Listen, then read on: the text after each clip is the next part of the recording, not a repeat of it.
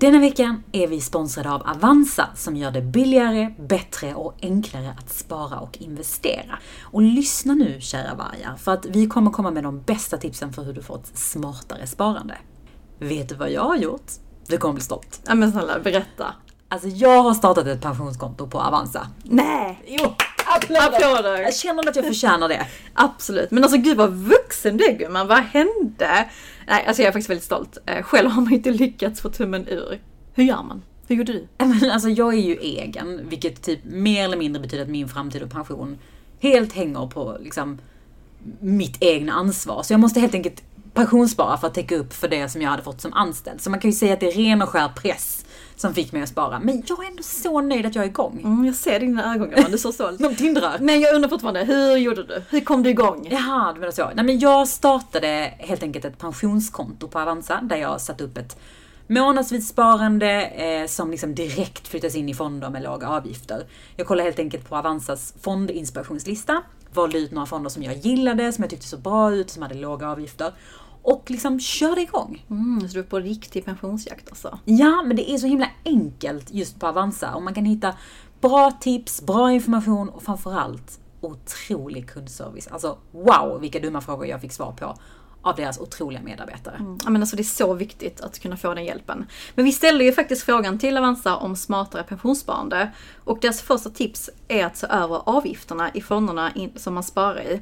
Eh, och utöver att hålla koll på den här fondlistan, inspirationen, så ska man också ha koll på avgifterna. Det är väldigt viktigt. Absolut. En annan grej man kan göra är att kolla om man kan flytta eh, sina tjänstepensioner till Avanza via pensionsjakten. Så du kan handla både fonder och aktier och ha bättre koll på ditt sparande.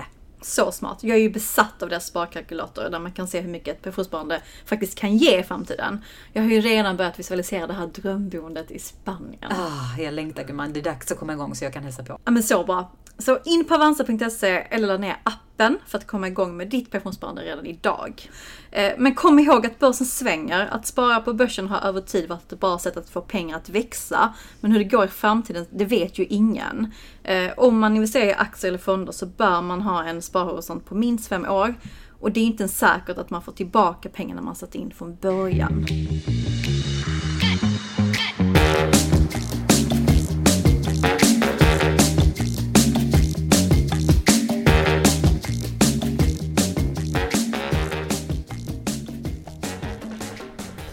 Fråga dig, nu måste du vara ärlig. Känner du någon oro för framtiden eller, ja men du vet, ett så här oroskänslor? Vad, vad menar du med oro för? Ja men världen kommer gå under. Nej jag skojar. Du vet, the Jag har inte läst om AI. Nej men jag tänker på alla så här nyheter om bankkriserna, ehm, de faller omkull, paprika för 80 spänn, höjda räntor, konkurs, eh, ja, men bolag som konkar. Ja. Det är ju inte så trevligt. Du tänker liksom så här världsekonomiskt. Mm. Jo, alltså jag kan ju få lite sån här, när man kollar på nyheterna så du vet, pratar alltid om att inflationen fortfarande är hög och liksom, sen börjar de snacka om hö- höjda räntor, du vet, alltid kaka på kaka. Och då kan jag få lite sån klump i magen och tänka, men vad innebär det här för så här, oss? Också för att vi ska få ett barn nu och liksom, du vet, som har ett ansvar. Men sen när jag tittar liksom ändå på mitt liv, det låter så konstigt men, men egentligen så borde jag ju inte oroa mig för att här, jag har, som det ser ut nu, ändå ett uppdrag. Jag har en lägenhet som jag har råd med. Jag liksom, det är dyrare, men vi klarar oss. Och vi har liksom sparpengar. Så att jag brukar försöka på, påminna mig själv att här, inte få panik för panikens skull. Du är safe. Ja men i, även om jag inte skulle bli safe, vad, även om, om någon skulle bli av med jobbet lite och det blir lite tufft ett tag. Jag tänker alla är med om det. Mm, allt löser sig. Mm, men det är faktiskt en bra inställning. Men jag, jag kan ändå hålla med att jag också varit lite orolig när jag, ja, men den här kaka på kaka-känslan. Och att det är ändå den första lågkonjunkturen vår generation, alltså millennialisterna, går igenom, eller får vara med om i arbetande ålder. Vi har Alltså, bara fått höra om Ja de men här. 08 krisen gick på gymnasiet och tänkte Ja. på liksom... Fast det påverkade ändå oss. Jag minns att jag var nog mer orolig den krisen. Var du? Jo men jag var det för att det var lite Du var så väl här... 16? Vad visste du om livet? Nej men också mycket för att jag tänkte mycket på mina föräldrar. Ja, okej. Alltså min mamma var ju egenföretagare då. Ja. Och, och också generellt liksom att det kändes som att man, då var kriser någonting som man tänkte var så himla för evigt. Nu vet man ju att det går upp och ner. Alltså här, en lågkonjunktur följs av en högkonjunktur. Det är så världen ser ut. Men, men du har helt rätt att det är första gången som liksom vi verkligen ska få skåda en kris. Jag undrar hur vi hanterar, oss. jag undrar hur vi hanterar det. Om vi kommer liksom... Men vår VD sa till oss, eh, vi var ett gäng millennials, han bara Alltså vet ni, nu är ni med om detta. Läs på, var förberedda, lär er, ta med någonting. För det kommer vara guld värt sen när ni går vidare. Vad gjorde ni? Hur var actionplanen? Och jag bara shit, nu blir det en prestation i sig i krisen också. Ja. Men det är ju sant, det är ju en erfarenhet som man tar med Ja, sig. och det finns ju alltid de här storiesarna från folk som har byggt saker under en krisperiod. Antingen om det är ett bolag eller typ att de har investerat jättemycket och sen så, sen när det väl har gått bra igen. Så att det finns ju några såna här, så här, jag kan inte dem, men det finns ju lite såna här eh, shortcuts från folk som så här har lärt sig av alla hundra liksom, lågkonjunkturer som har varit. Och gjort något bra av det. Istället för att så här, panika, typ, eh, ja men liksom, du vet så. Ja. ja, men inställning, det är skitbra. Men nog om det, nog om eh, räntor, paprika för 80 spänn. Jag vill veta allt om Aten och baby moon. Ah, ja, heter det så? Jag visste, alltså jag, det är bara alla andra som har sagt till mig att det heter baby moon. Och vad fan är en baby moon? Nej, men de säger att en baby moon är sista resan innan man eh, ska skaffa kids, som, där man ska njuta av livet. För jag tänker ju så att ett baby moon borde vara den första resan man gör med sitt barn. När den är bebis. Men det kanske det är, jag vet. Nej det är det nog inte. Jag vet inte. Det är så typ sån grej man bara slänger med. Bara sätter på Instagram. Ja, nej men jag kände ju verkligen att vi behövde en sån här getaway, jag och Alex. Att vi bara så här behövde komma iväg och vi har kollat väldigt mycket resor. Vi var först inne på att kanske åka till Dubai, sen var vi inne på okej, ska vi åka liksom lite längre, lite Nej men det var varmare. inne redan december minns jag. Ja, men det har varit så jävla dyrt. Och på tal om att så här, allting som händer i världen och liksom så att det har bara känts ovärt att lägga de pengarna. Och liksom, det har bara inte gått ihop med livet. Nej. Så det vi landade i i alla fall efter många om men var att, men fan låt oss bara åka på en lite längre weekend och typ jobba liksom. Om vi inte kan ta ledigt och så. Så att vi bokade Aten. Och det är en sån här stad som, men typ, man, man, när fan åker man till Aten? Alltså fattar du? Det är ju inte en sån här klassisk Rom eller Barcelona. Nej, det är inte det. Utan det är lite så här. Det är ju fortfarande en storstad, men det är inget sånt som man har tänkt att åh, jag skulle vilja besöka Ken. Det känns som Alltså, man behöver jobba med sin Visit Aten-strategi. ja. Alltså, för min bild av Aten är så här, klotter överallt, finanskris. Du vet, vill gå i pension när de är tid, alltså så här, de demonstrationer. tio. Ja men du vet, alltså det är så här, det, Jag har en väldigt skev bild av Aten, inser, insåg jag också när jag kom dit. Ja, okej. Men vi, vi, min man är, ju från Grekland och liksom så här, har heller aldrig varit i Aten. Nej. Så vi, det var faktiskt skitkul. Och jag, det här är ett tips till alla som lyssnar i podden. För att jag vill verkligen slå ett slag för att jobba från en annan ort. Och vi har ju varit inne på det mycket, liksom, nu är vi- visserligen jag egenföretagare, men det är inte min man. Eh, så att det kan man ju, så att jag tror att det här är en klassisk sån grej man ska förhandla i en löneförhandling eller i ett nytt jobb. Att kunna säga att en månad om året så ska jag kunna jobba från annan ort utan att någon ifrågasätter. Det är en sån sak jag kommer ta med mig om jag någonsin blir anställd igen. Skitbra. Ja, men det är ju nästan guld värt att man kanske kan jobba från Spanien eller Aten eller något soligt härligt ställe. Ja. Ta möten på Teams. För det gör man ändå bara att man sitter hemma sin liksom sunkiga lägenhet tänkte jag säga. Exakt. För oftast eh, när man bokar semester så bokar man ju i perioder alla andra bokar semester. Sommar, vinter och sportlov och alla de här sakerna. Och då blir det väldigt dyrt att boka. Och det blir framförallt lite mäckigt kanske att få ihop det med livet. Men om man har den här flexibiliteten att liksom bara så här, kunna åka en mars liksom, en vecka. Så tycker jag faktiskt att man ska göra det. Och vi hade det skithärligt. Det var en jättefin stad. Eh, otrolig så här his, historia. Alltså det är ju verkligen, man har ju glömt allt man har lärt sig från antiken. Och Åh liksom. vad nice. Men det var verkligen jättefint. Och supertrevliga människor. Det är så intressant. För att de har ju verkligen en helt annan syn på gravida än vad vi har här i Sverige. Okej. Alltså jag är ju liksom höggravid nu. Det syns ju på mig att jag är gravid. Alltså vart vi än gick så var det alltid någon som sa grattis. Nej vad kul. Ja, alltså på gatan. Så här, grattis till er, eller om vi satt på en restaurang eller whatever. Eller liksom om vi gick in på typ tunnelbanan, att folk bara sa du vet, move! Alltså du vet, hon står upp, hon måste sitta ner. Alltså du vet, Det, jag bara kände såhär, oj, alltså i Sverige ingen liksom, ingen Nej. ställer sig upp. De var snälla. Alltså du vet så här, det är knappt att någon kommenterar ens graviditet för det är också lite så på andra hållet här i Sverige. Men det har ju blivit att man knappt vågar gratta har jag hört. Ja. För att man vet inte hur den andra personen känner till, för sin graviditet. Ja. jag vet. Alltså det är som kränkt till mig. eh, Ja. Ja. Alltså, jag tyckte det var jättemysigt, måste jag säga. Men det är fint när man grattar och ser något och hyllar det. så familjärt typ. Alltså, Ja. vi, vi klä- klättrar, men vi gick upp till Akropolis som är liksom lite högre upp på typ en kulle.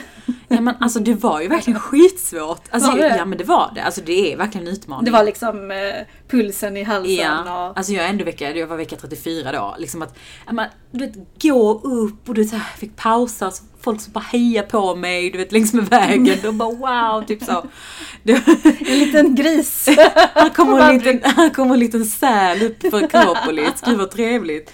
Nej men så att det var verkligen eh, väldigt annorlunda att vara gravid i det landet. Jag såg typ inga andra gravida. Jag tror att alla såna höggravida kvinnor är hemma där. Mm, de gör ingenting. Nej. Du vet, det är som min mamma, det är den kulturen. Man ska, liksom, jag lyfter typ en, en, min dator hon bara "Hii!"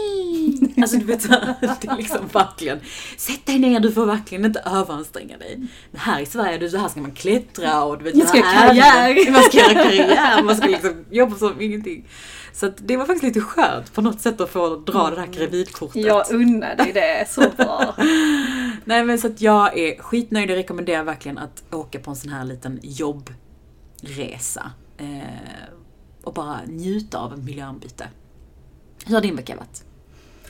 Inte lika härlig i solen. Men... eh, Oh, hur veckan varit?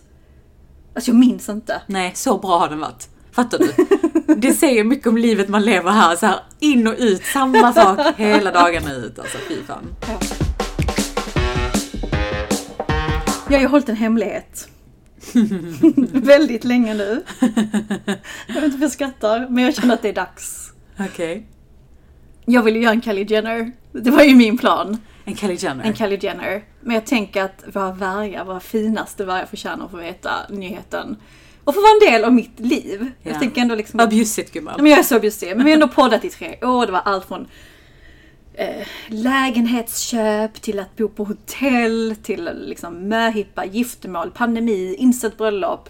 Mm. Ja men du vet, alla dessa grejer i livet. Och det känns så dumt att inte dela med mig Ja, av men detta. ut med Nej, det nu. men ska hålla lite till. Nej, jag. Nej, men jag är ju gravid. Jag är typ lite nervös när jag säger det. Jag typ svettas. Ja, men jag har faktiskt hållit den ganska länge. Ehm, Men jag känner att det var dags Ja. att berätta. Mm. Kul. Så jäkla kul. Nu är det officiellt. Nu är det officiellt. innan har ju bara ni närmsta vetat. Och jobbet såklart. Mm. Och det är så himla roligt för att det är ju... Vad ska man säga? Alltså det är ju verkligen en sån här sak som vi har sagt sen vi var typ 18 i alla fall. Att vi ska bli gravida tillsammans. Mm, vi ska tajma. Vi ska tajma. Och vi har skämtat ibland, vi har menat allvar, vi har liksom snackat om det i vårt tjejgäng så länge nu. Och att det faktiskt händer. Alltså, jag, alltså jag, tror att, jag tror att jag är gladare än dig. Ja men det, det var ju så kul för att när jag fick reda på det så var jag lite chockad. Jag visste inte om det var sant. Hade tagit några test och sen så hade jag hållit på det själv något dygn innan jag berättade för min man. Eh, Och så tänkte jag att ja, men jag berättar i eftermiddag. Så jag hade köpt en liten present och vi skulle podda den dagen. Och det var så kul för då hade jag klagat, klagat på att så många var sjuka på jobbet och där jag sprutade sån här cold i munnen hela morgonen för att jag var så arg på alla kollegor som hostade. Tänkte jag ska skydda mig från att bli sjuk. Och så sa jag det då till dig att men jag klagar liksom på detta. Och, då, och då sa du, men gud vad gött att du inte kan ta det för det får man inte när man är gravid. Så att jag, jag får bara leva i den här hostan. Nu kan du, nu kan du hoppa in. Jag bara chokar. Det var ju så roligt för att jag såg ju, jag satt ju liksom i datorn och typade någonting samtidigt som jag pratade och berättade och sa då liksom att ja men ta det nu när du liksom kan för att man kan fan inte ta det när man är gravid. Och så såg jag i mitt periferin hur du bara stelnade till. Typ som att dina ögon bara oh shit, typ kan man inte. Och då bara är du gravid? Och du bara ja!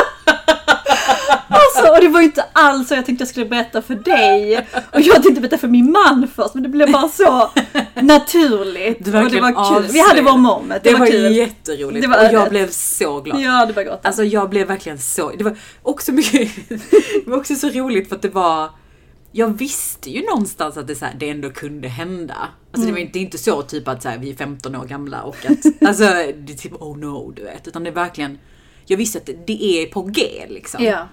Men att få det bekräftat att vi var gravida samtidigt, alltså goals. Mm. Ja men verkligen så mycket goals. Och det gör det mycket roligare för, Mm. alltså för mig eh, personligen. Jag har ju sagt det på det, jag har liksom aldrig längtat till barn eller känt att åh nu, nu, så här, rosa Mm. moln. Men det känns, det känns bra. Alltså jag har mått jävligt bra på sistone, eller under hela graviditeten. Så jag har liksom inget att klaga på. Känner inte hela den här FOMON som jag först trodde jag skulle känna kring karriär. Att nu missar jag någonting och nu kommer livet, allt jag har jobbat för kommer liksom betyda noll för att jag ska bli mamma. För, för det har jag ändå varit lite rädd för. Men har du känt det här som, som jag var inne lite på, att liksom att bli ruled out? Du har inte känt den känslan? Nej, men jag kände den innan. Alltså jag Innan tänk- du ja, men blev typ ett gravid. år bara, okej jag kommer nog, eh, ja men FOMON. Men jag har inte Mm. känt den så mycket nu.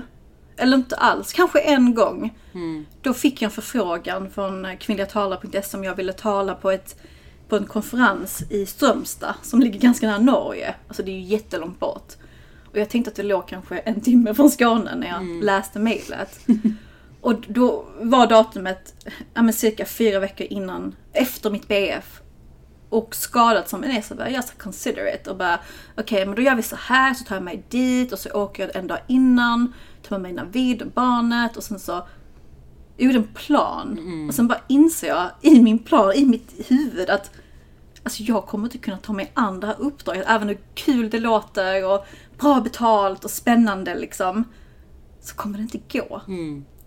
Och jag tackar ju nej, för ansvarsfull som man är. Alltså du är så mogen Jag är gumman. så mogen.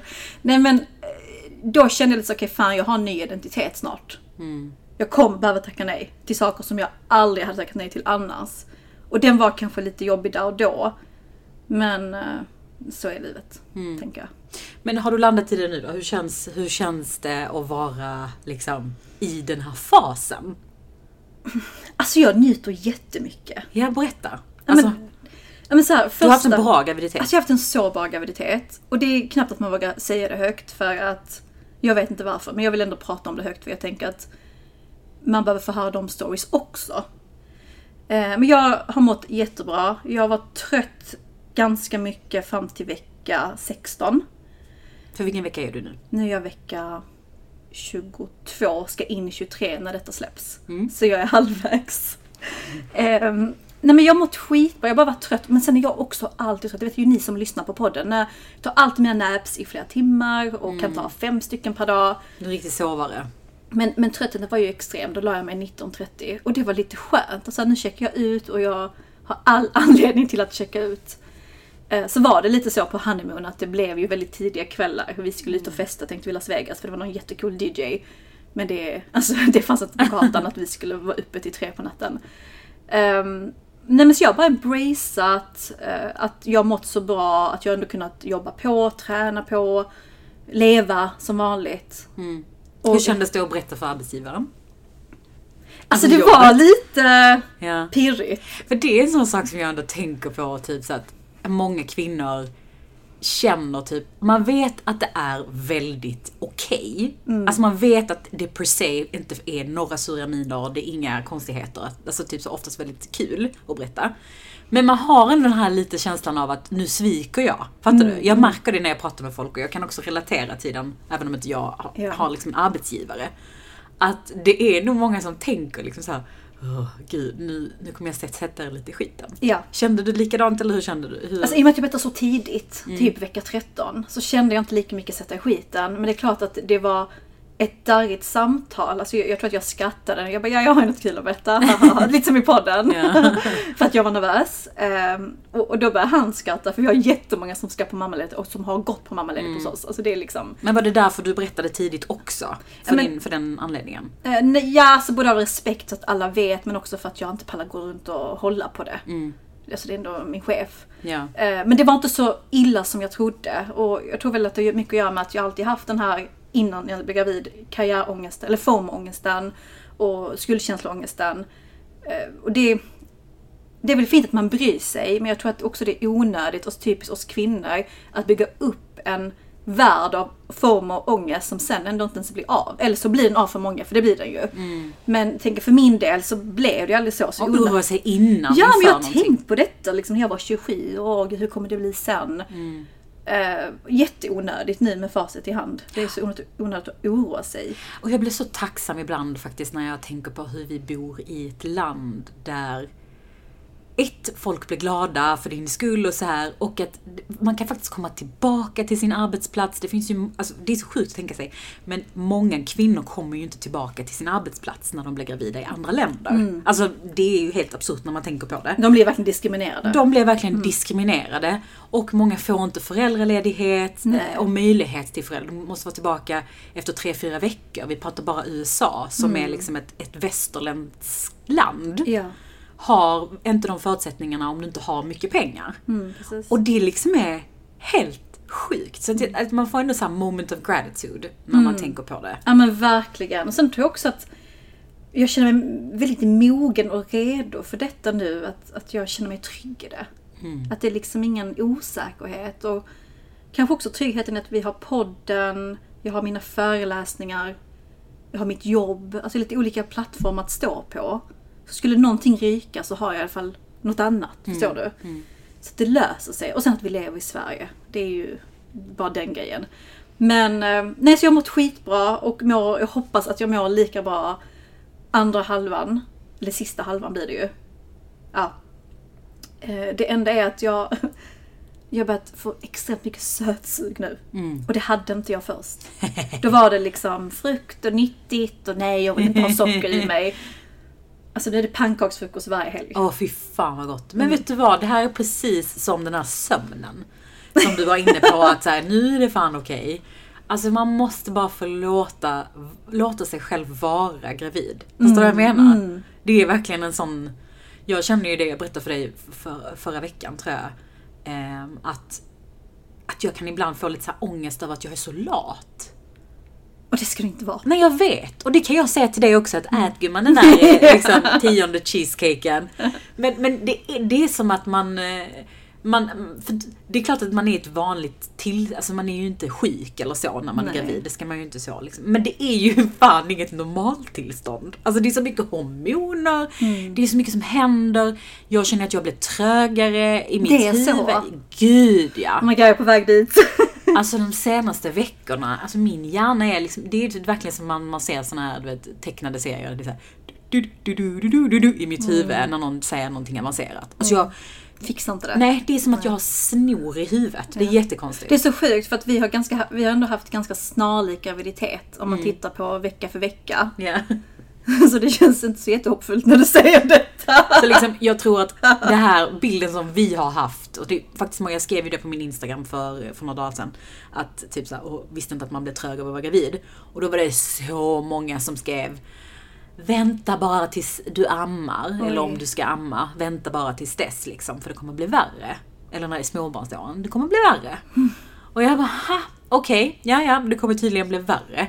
Och vi som hade en bild av att vi skulle bygga bolag och plugga och göra alla men de här ju- inspirerande grejerna vi är föräldralediga. Men det är ju min, eh, min bild så efteråt. Eh, att jag har sagt att jag ska vara ledig ett halvår i form av att inte jobba och eh, inte tacka ja till uppdrag.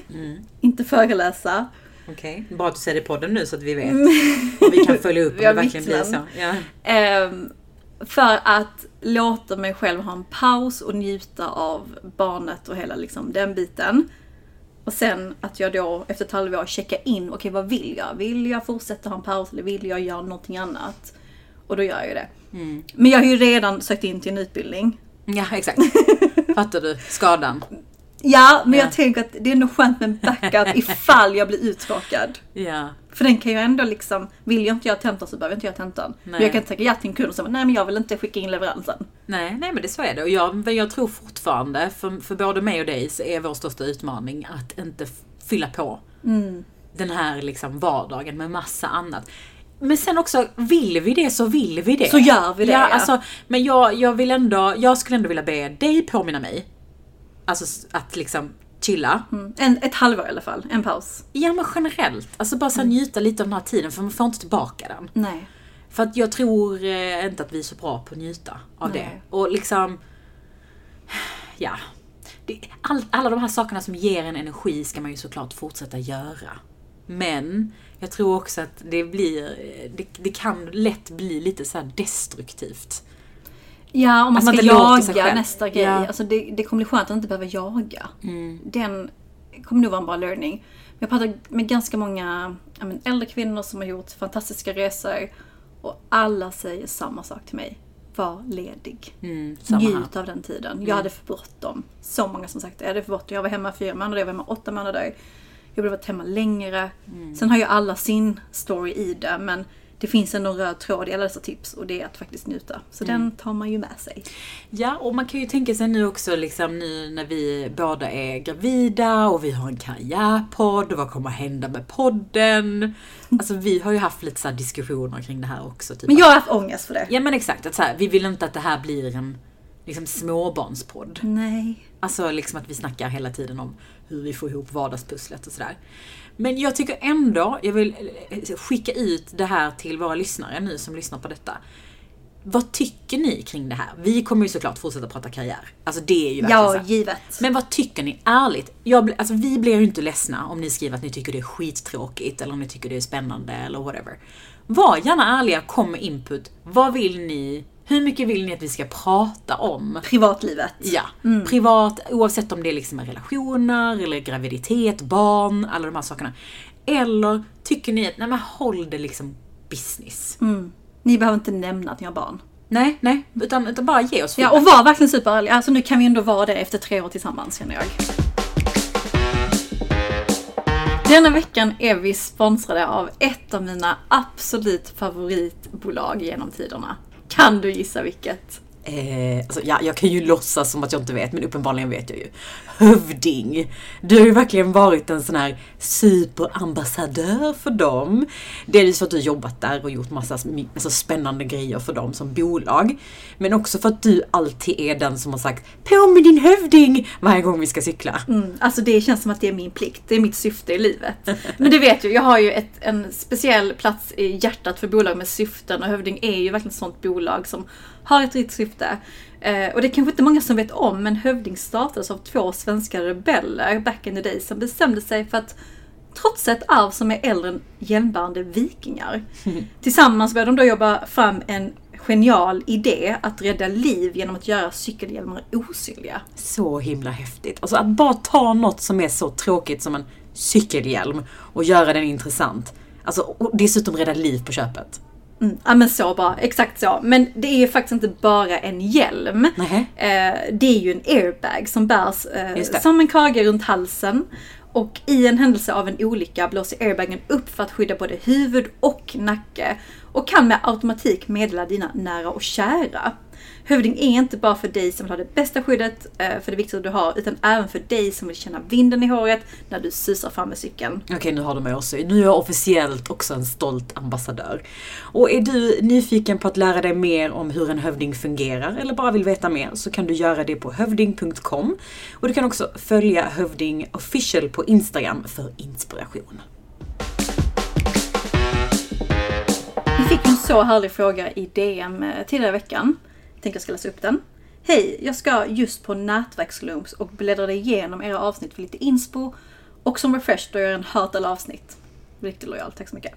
Men jag hittade inget. Kan inte ni göra ett avsnitt om just detta? Allt från tips till med att, allt från tips med allt från att välja restaurang till samtalsämnen, frågor, nivå på personligt, professionellt och så vidare och så vidare. Mm, alltså själva nätverkslunchen. Ja, alltså när man bjuder ut en person one on one, vad ska man tänka på? Oh, okej. Mm, det är en bra fråga, jag gillar faktiskt den här, lite utmanande. Har du någon så här tanke top of mind? Ja, men jag, alltså det här med att vara personlig tycker jag eh, att det kan bli lite svårt för en själv. Liksom, hur, hur långt ska man dra det? Men jag tänker att jag har en regel att jag kan vara personlig men jag behöver inte vara super. Jag behöver inte vara jag behöver inte exposa mitt privatliv. Jag behöver inte prata om liksom, sumporna på golvet hemma. Förstår du? Eh, för det finns ju, det är skittråkigt när man lunchar med personer som är så himla stela. Så himla polerade. Det är som att liksom man lunchar med deras CV. Ja men lite så. Hur tänker du? Nej, men Alltså jag tycker det är så himla individanpassat beroende på vad det är för typ av person. Jag har ju en tendens liksom att när det är någon som är lite mer nära min ålder och kanske är kvinna, att det blir lite mer avslappnat än om det är liksom någon som är kanske är mycket äldre eller har helt annan... Alltså så att det blir, Då blir det kanske lite mer professionellt om man frågar mycket mer om jobbet än privat. Ja. Av naturliga skäl. Och sen är vissa mer busiga än andra och liksom så. Så jag tror att, för jag tycker att i en nätverkssituation så är det nog viktigt att lära känna personen. Absolut. Men det är ju fortfarande ingen så här, vi lunchar ju inte för att vi är vänner än. Nej, vi lunchar Alltså- för att vi har ett utbyte av varandra. Exakt. Precis, och jag, jag tror det kan vara bra att läsa på lite om personen då kanske. Om det är alltså personen utifrån jobbet den personen har eller uppdraget. Så att du visar att du är lite på så att du ändå kan ställa dessa relevanta frågor. För ibland kan det bli lite för high level. Man bara, nu ställer du en fråga bara för att du ska ställa en fråga. Förstår du? Den skillnaden. Ja.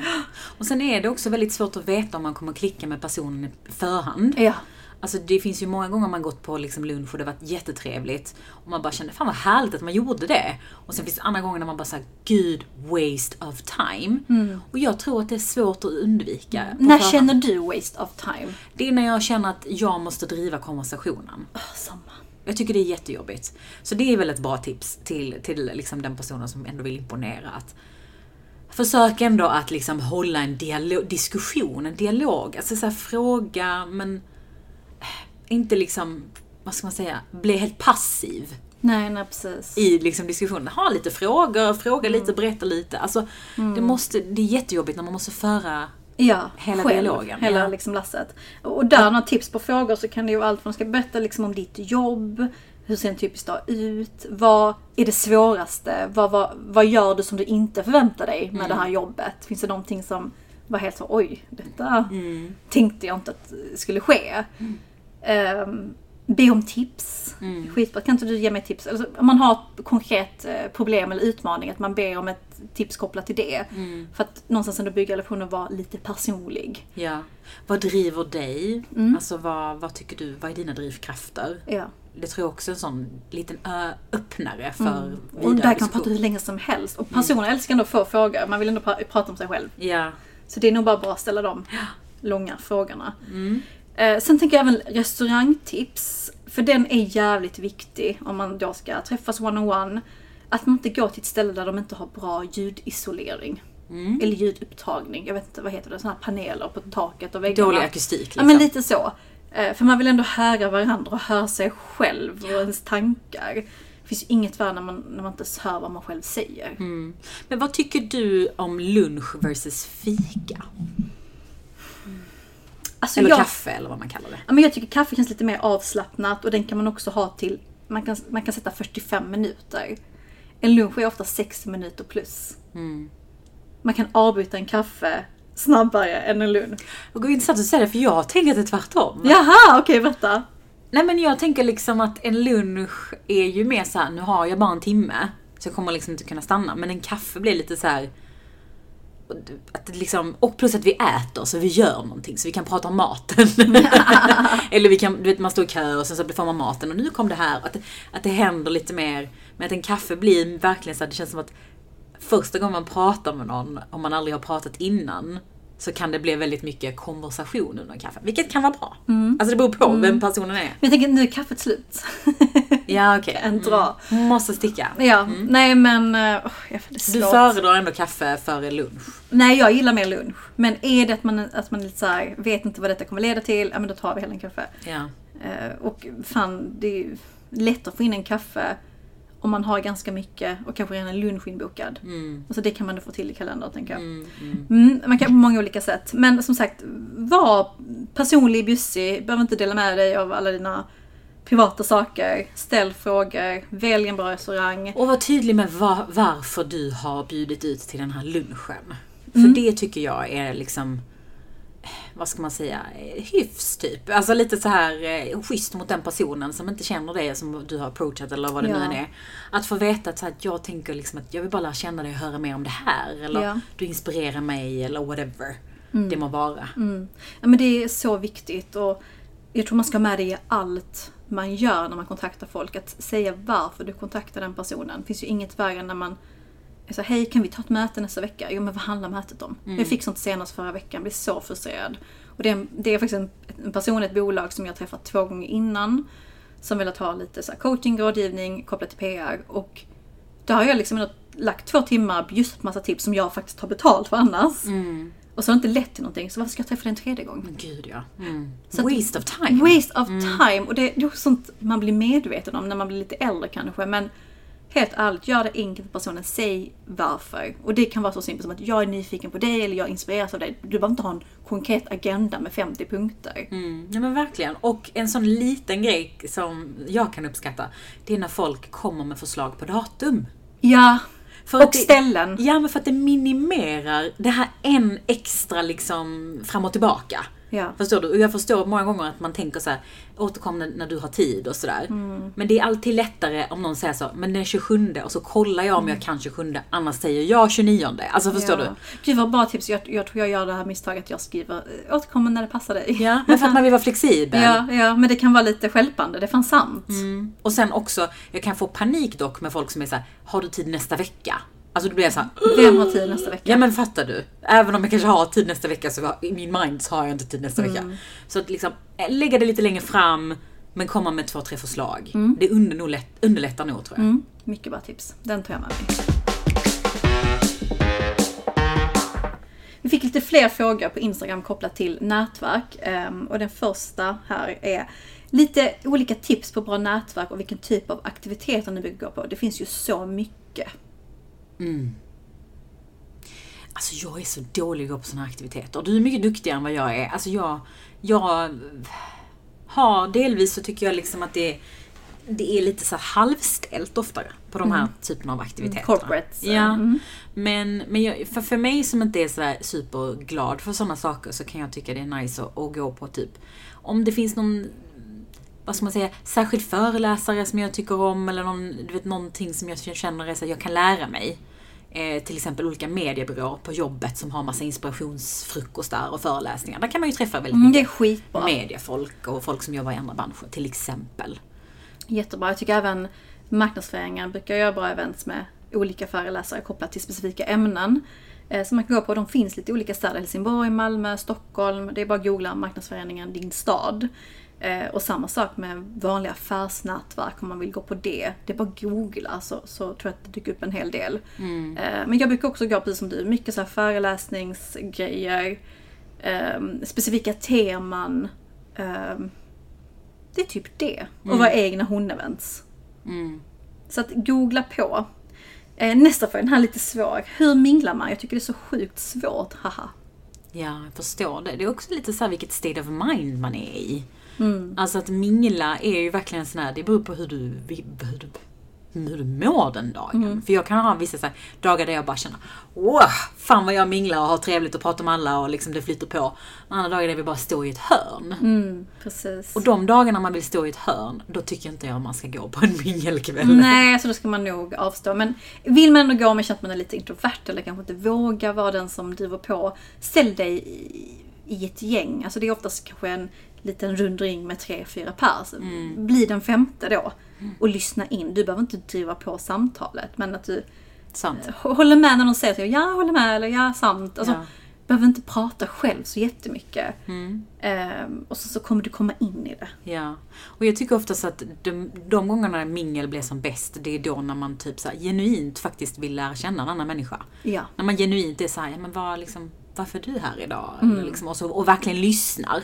För jag märker ju många gånger när man är på mingel att folk inte är så bra på att lyssna. Nej, det är Ställer så mycket som frågor. händer så Ja. kollar de överallt och Ja men exakt, och så vill liksom hålla koll på vem, vem är här och är det någon annan som har joinat. Alltså det, det blir det blir väldigt stressigt. Så att liksom Mm. försök att vara i stunden, lyssna på de svaren du får. Alltså det blir lite lättare att föra en konversation då. Mm, verkligen.